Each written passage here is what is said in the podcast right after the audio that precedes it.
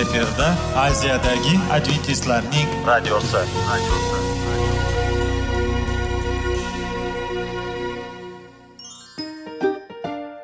Assalomu alaykum aziz radio tinglovchilar. Sog'liq daqiqasi rubrikasiga xush kelibsiz. Zero tananing sog'lom bo'lishi va uning kasalliklardan saqlash har bir insonning burchi hisoblanadi. Inson uchun bebaho boylik bu sog'liq salomatlikdir. Uni asrash esa har birimizga omonat qilib berilgan. Shuning uchun ham inson o'z sog'lig'ini ehtiyot qilishi va ajib amallardan hisoblanadi. Dono xalqimiz sog'liq tuman boylik deb bejiz aytmagan. Aql idroq sohibi bo'lgan inson o'z hayotini qadrlashi lozim bo'ladi. Hozirgi kunda qanchalik dori darmonlar ko'paymasin tibbiy muassa sifati shifokorlar vasiyasi tibbiy texnika yaxshilanmasin. Agar insonning o'z salomatligi haqida qayg'urmasa kutilgan natijaga erishib bo'lmaydi va biz sizlarga bizning dasturimizga xush kelibsiz deymiz.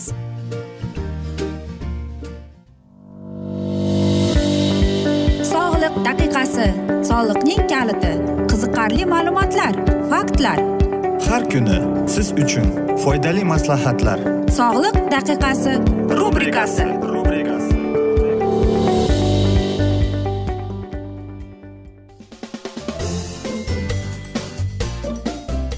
assalomu alaykum aziz radio tinglovchilar. Dasturimizga xush kelibsiz va biz sizlar bilan foydali ichimliklar degan dasturda xushvaqt bo'ling deb aytamiz. Va bizning bugungi dasturimizning mavzusi bu astma deb ataladi. Bu kasallik asosan bronx yo'li shamollashidan boshlanadi. Ayniqsa kuz va bahor fasllarida kuchli qo'zg'alib tez tez xuruj qila boshlaydi.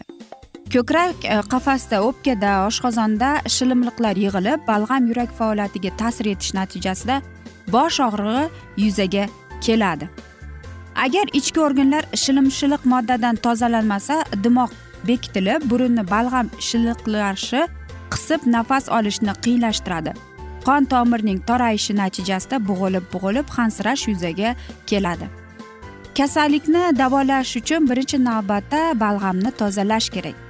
Buning davosi oddiy ig'ir ildizi yigirma gramm qora zira o'ttiz gramm zig'ir urug'i qirq gramm achchiq bodom yigirma besh gramm shakar oltmish gramm rayhon guli ikki yuz gramm dolchin o'ttiz gramm zanjabil o'n ikki gramm qora xalila yigirma gramm kunjut urug'i yigirma gramm totim urug'i yigirma gramm qora andis o'n besh gramm bularning hammasini un kabi maydalab elakdan o'tkazib yetti yuz gramm asalga aralashtiriladi. Ya'ni e, majun qilinadi bankaga solib qaynab turgan suv ichida ikki soat qaynatiladi deydi. E, bunda bankaning suv e, ichiga suv kirmasligi kerak. Tayyor bo'lgan dorini har kuni uch mahal ovqatdan oldin bir choy qoshiqdan to'rt mahal o'n kun iste'mol qilinadi. So'ngra o'n kun dam olib yana davom ettiriladi. Bilinar bilinmas qisish bo'lsa ham dorini to'xtatmaslik lozim.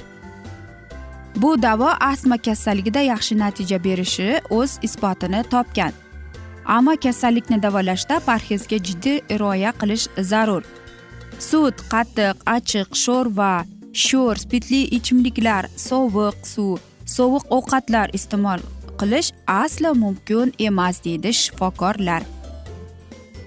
Nafas olish e, kishi nafas qisishdan xalos bo'lishni istasangiz yuz grammdan isiriq va zig'irni yarim kilo asalga aralashtirib undan bir choy qoshiqda kuniga uch mahaldan iste'mol qilib turing deb aytamiz. Har kuni sakkiz o'n donadan chilonjiyda mevasi yeb yurilsa nafas qisishi daf bo'ladi. Kuniga sakkiz to'qqiz gramm rayhon suvini asal bilan qo'shib ichgan odam nafas tanligidan xalos bo'ladi. E, bir grammdan mumiyo asal va aloyadan tayyorlangan aralashma har kuni nahorga iste'mol qilinsa nafas qisishga davo bo'ladi.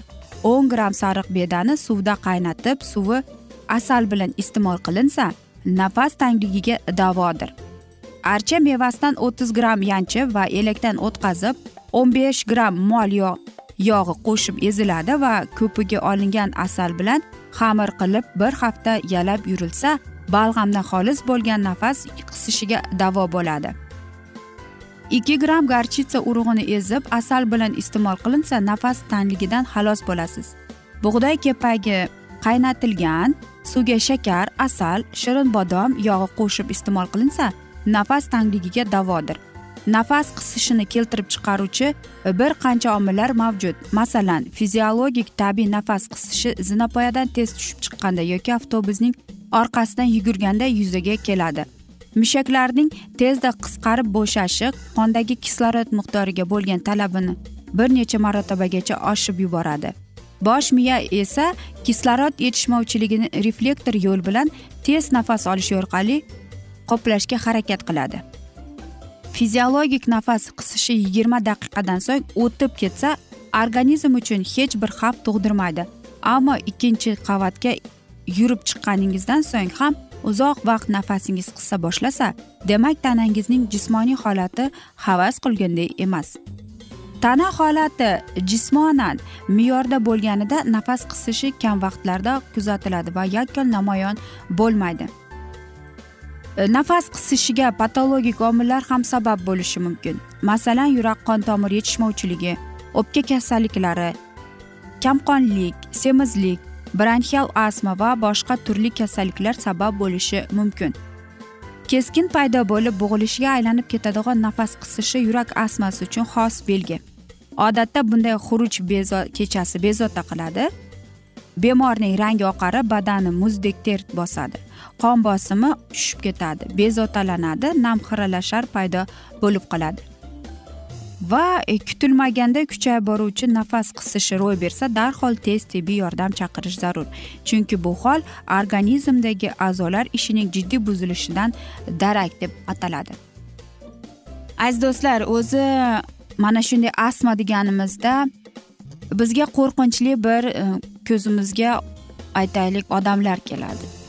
Biz hammamiz bilamizki nafas qisganimizda bizga havo yetmaydi. E, lekin mana shunday odamlar o'zini qanday ehtiyot qiladi? Albatta hozir ko'p dorilar bor ko'p ingalyatsiyalar bor.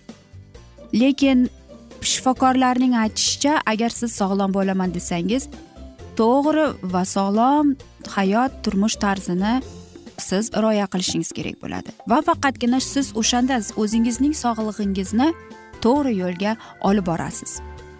Aziz do'stlar mana shunday asnoda biz afsuski bugungi dasturimizni yakunlab qolamiz. Chunki dasturimizga vaqt birozgina chetlatilgani sababli. Lekin keyingi dasturlarda albatta mana shu mavzuni yana o'qib eshittiramiz. Va sizlarda savollar tug'ilgan bo'lsa biz sizlarni salomat klub internet saytimizga taklif qilib qolamiz. Va biz umid qilamizki siz bizni tark etmaysiz deb chunki oldinda bundanda qiziq va foydali dasturlar kutib kelmoqda. Aziz do'stlar biz sizlarga va yaqinlaringizga sog'lik salomatlik tilagan holda o'zingizni va yaqinlaringizni ehtiyot qiling deb xayrlashib qolamiz.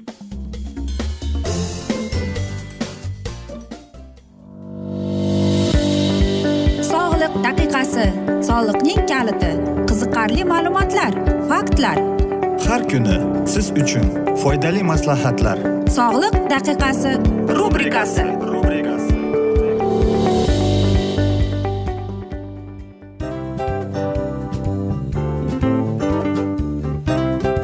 Mana ha hayotda hamma narsaning yaxshi narsalar tugaydi va yakunlaydi degandek bizning dasturimizga ham yakun keldi o'ylaymanki bizning dasturimiz sizga foydali bo'ldi deb aziz radio tinglovchimiz.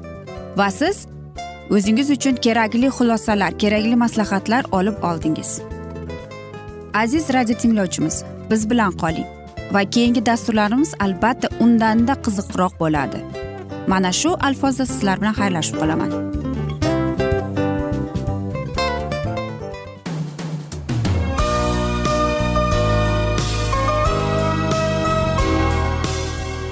Efirda aziyadagi adventistlarning radiosi.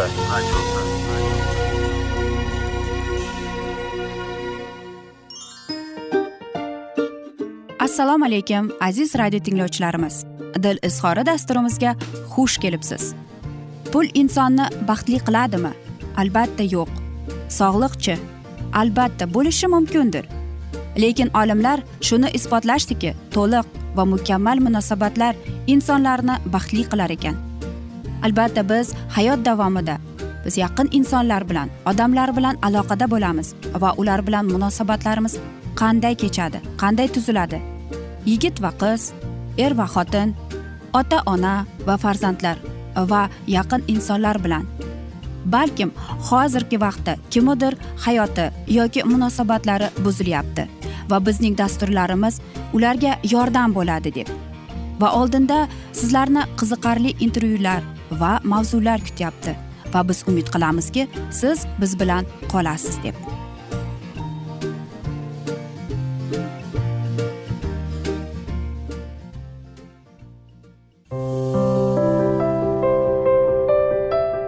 Har kuni har xil kasbdagi odamlar bilan sirlashish va bo'lishish sevgi rashq munosabat. Bularni hammasi dil izhori rubrikasida.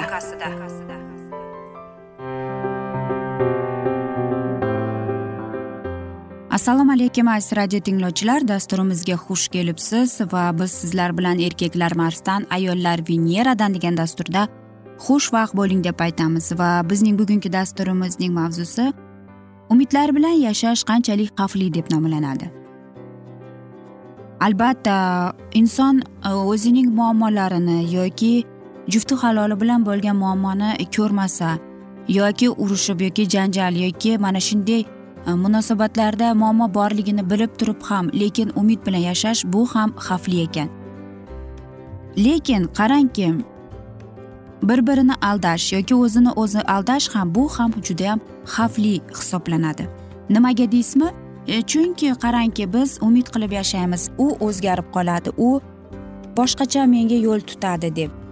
Va qarang sizga aytmoqchimizki ayol kishi shunaqa darajada kuchli bo'ladiki u hattoki o'zi sevmagan inson bilan ham turmush qurishi mumkin. Nega? Chunki u umid qiladiki mening sevgim hamma narsani o'zgartiradi deb. Va u o'ylaydiki uning xayolida mana shu erkak bilan u judayam mukammal juftlik bo'ladi deb. Albatta u sezadi. Bu erkak uni qo'llaydi quvvatlaydi unga dalda bo'ladi uni tushunadi va hokazo narsalar. Lekin u mana shu dunyoda yashab turib u o'zi xohlagan narsani o'zi o'ylab o'zi xayolida yurgan narsalarni ko'radi. Masalan keling sizga bir millionlik e, chek berishdi deylik a albatta. E, lekin buning bir narsasi borki e, siz bir oy kutishingiz kerak. E, mana shu chekni bankka olib borib uni pulga almashtirish uchun. Albatta mana shunday joyda siz hayajonlanasiz albatta sabrsizlik bilan bu narsani kutasiz. Qarang xuddi mana shunday his tuyg'ular ham siz turmush qurganingizda mana shu inson bilan munosabatlarni boshlaganingizda ham mana shunday umid bilan siz yashab kelasiz ekan. Albatta siz e, mana shu chek bilan uyga qaytib kelasiz va siz o'zingizni xuddi millioner kabi sezasiz. Lekin aslida pul yo'q. Haqiqiy pul chunki u bir oydan keyin bo'ladi faqat. Va albatta siz o'ylaysizki siz xayolan e, rejalar qilasiz u pulni nimaga siz sarflaysiz. Qanday buyumlar olasiz? Qanday xarajatlar qilasiz? Albatta bu kelajak bilan yashash kelajakda umid bilan yashash bu judayam yaxshi. Ammo lekin keyinchalik bu yo'l sizni tashvishga olib keladi g'amlikka olib keladi. Va oxir oqibat bilasizmi bu ham mana shunday bo'ladida siz bankka bir oy o'tgandan keyin bankka borasiz va mana shu chekni pul qilib bering deganingizda sizga rad javobini berishsa. Siz o'zingizni qanday his qilasiz? Keling sizlar bilan ikkita jufti juftlikka qaraymiz. Ular ham umid bilan yashashadi. Aytaylik erkakning yoshi o'ttiz ikkida u shoir va u e, o'ttiz ikki yoshli ayolga uylangan. U esa sekretar bo'lib bir firmada ishlaydi.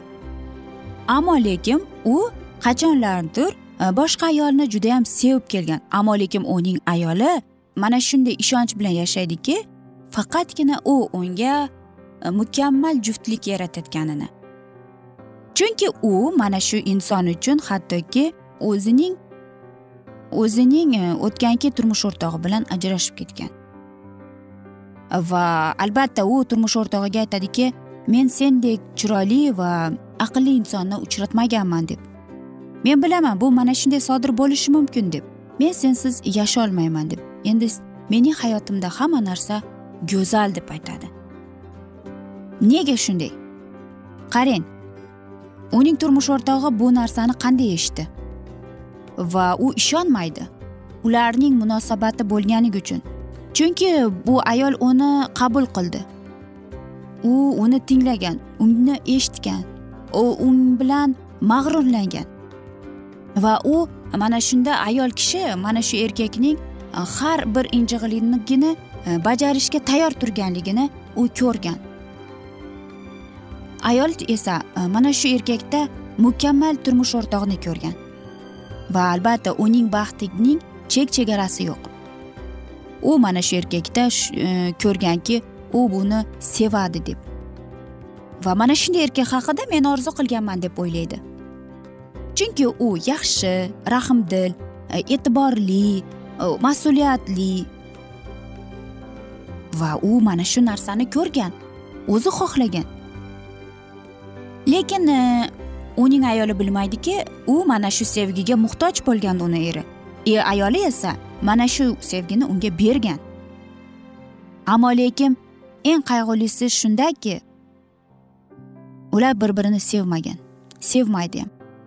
U hayolidagi ayol kishi mukammal erkni sevadi. Va u o'ylaganki bu erkak xuddi shunday bo'ladi deb. Bu ham yarim muammo aziz do'stlar. Qarang ikki juftlik erkak va ayol ular bir birini sevmaydi. Lekin ikkalasi ham umid bilan yashaydi. Chunki ikkalasi ham bir biriga kerakli narsani berib kelgan. Aziz do'stlar mana shunday asnoda aytmoqchimizki nima bo'lgan chog'da ham sevib sevilib turmush qurgani yuz marta million marta yaxshi deyman. Va hamma yaxshi narsaning yakuni bo'ladi degandek bizning ham dasturimizga yakun kelib qoldi. Chunki dasturimizga afsuski vaqt birozgina chetlatilgani sababli. Lekin keyingi dasturlarda albatta mana shu mavzuni yana davom ettiramiz. Va biz umid qilamizki siz bizni tark etmaysiz deb chunki oldinda bundanda qiziq va foydali dasturlar kutib kelmoqda. Va albatta biz sizlarga oilangizga tinchlik tilagan holda ulashib qolamiz.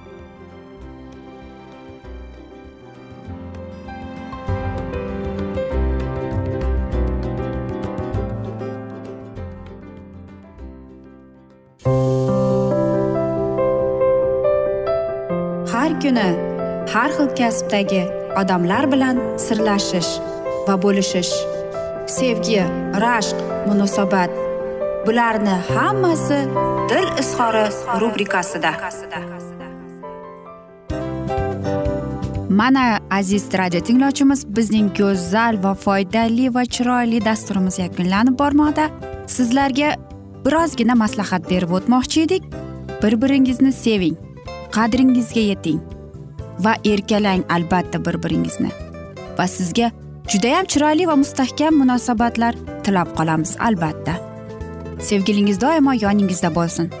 Mana shu borada sizlar bilan xayrlashib qolamiz. Xayr.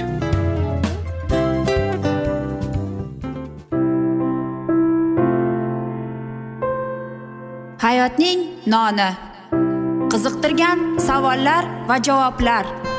Buning hammasi ko'ngil uchun oziqa rubrikasida.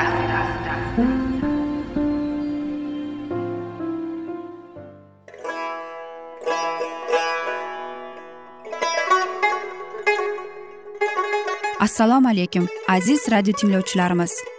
Ko'ngil uchun oziqa rubrikasida xush kelibsiz deymiz. Siz haqiqatni izlayapsizmi? Olamnimi? Umidnimi? Siz kimga murojaat qilmoqchisiz? Odamlar ko'pincha siyosat kuchiga tayanadilar. Dunyo iqtisodiyoti holati tobora chuqurlashib bormoqda. Tabiiy ofatlar va texnogen halokatlar minglab insonlarning hayotini olib ketib juda katta zarar yetkazmoqda. Sizga abadiy hayot inomini hadya qiluvchi va hayotingizni tubdan o'zgartiruvchi haqiqatni izlab toping. Xudo haqidagi haqiqat uning kalomida mujassamlashgan. Kimki bu haqiqatni butun qalbi bilan izlasa albatta unga yetishadi. Bu sevgi xudoning tarixidir. Hayotingizda yoki sizning yon atrofingizdagi olamda nimalar yuz berishidan qat'iy nazar? Siz ertagi kunga buyuk umid va ishonch hosil qilishingiz mumkin.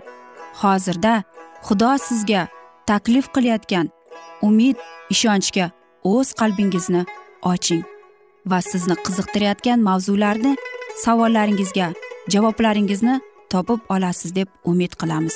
Biz bilan qoling.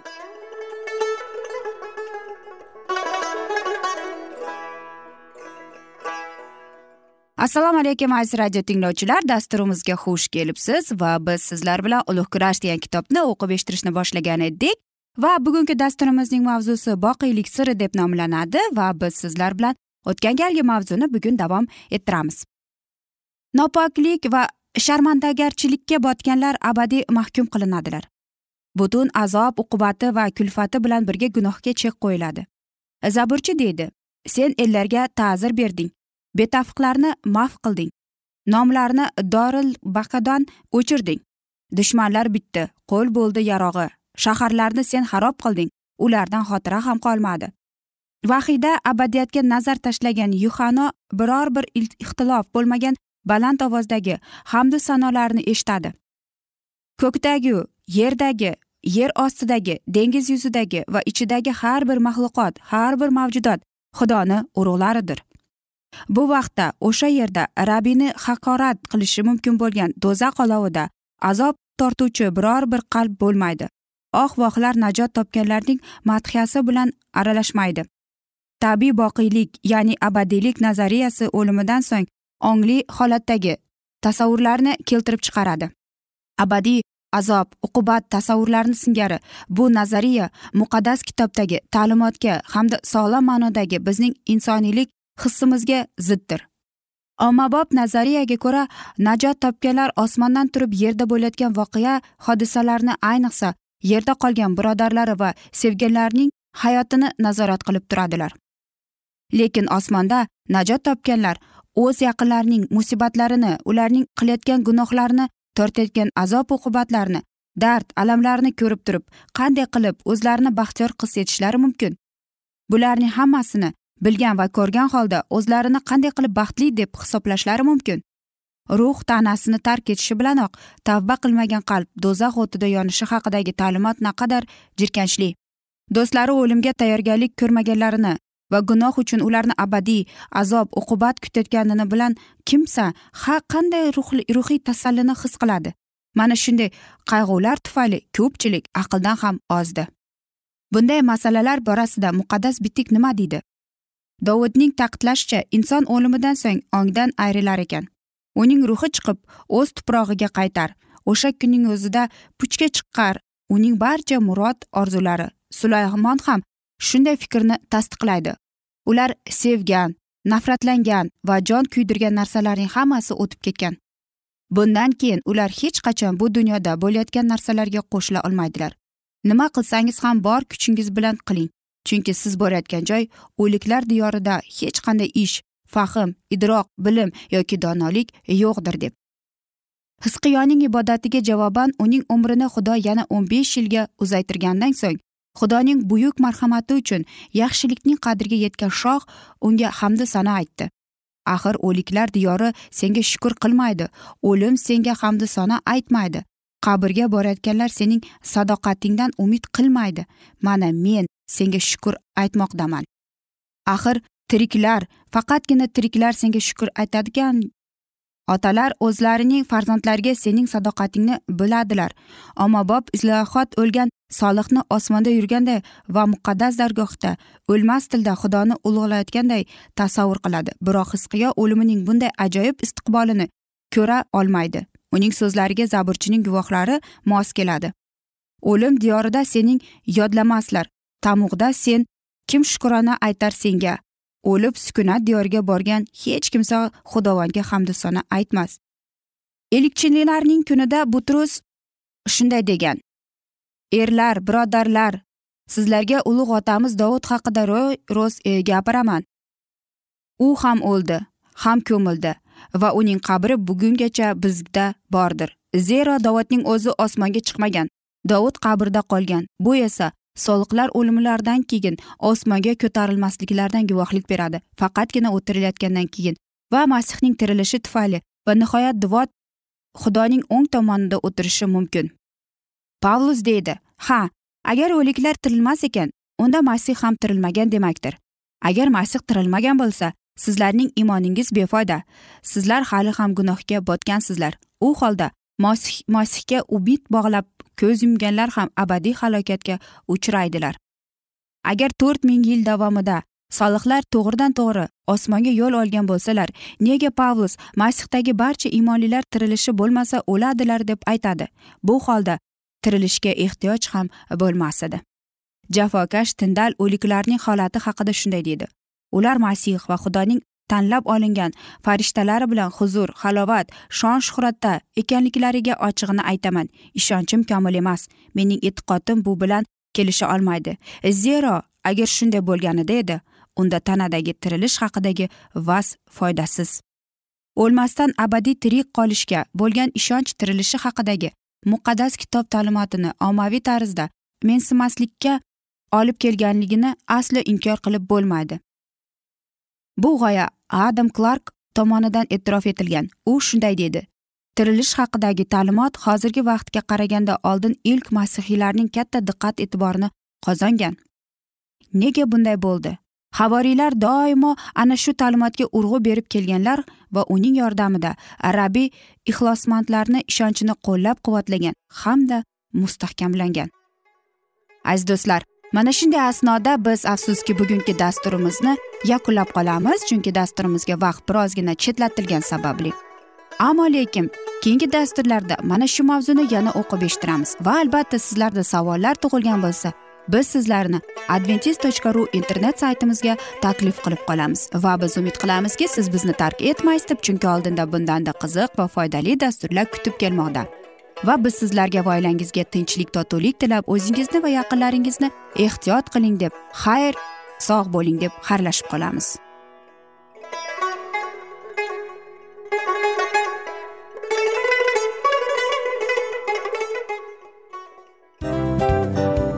Mana aziz radio tinglovchimiz hamma yaxshi narsaning yakuni bo'ladi degandek bizning ham dasturlarimiz yakunlanib qolmoqda. Aziz do'stlar o'ylaymanki bizning dasturlarimiz sizlar uchun judayam foydali bo'ldi deb. Bizning dasturlarimizdan siz o'zingizga foydali va judayam kerakli maslahatlar oldingiz deb. Masalan sog'liq borasida biz sizlarga sog'liq tilaymiz albatta lekin bizning maslahatlarimizga ham amal qilishga unutmang. Munosabatlarga kelganda bu munosabatlar chuqur va yaxshi bo'lishi uchun uni ustidan ishlash kerak albatta. Diniy masalaga kelsak aziz do'stlar bu judayam jiddiy va chuqur nazarni talab qiladi.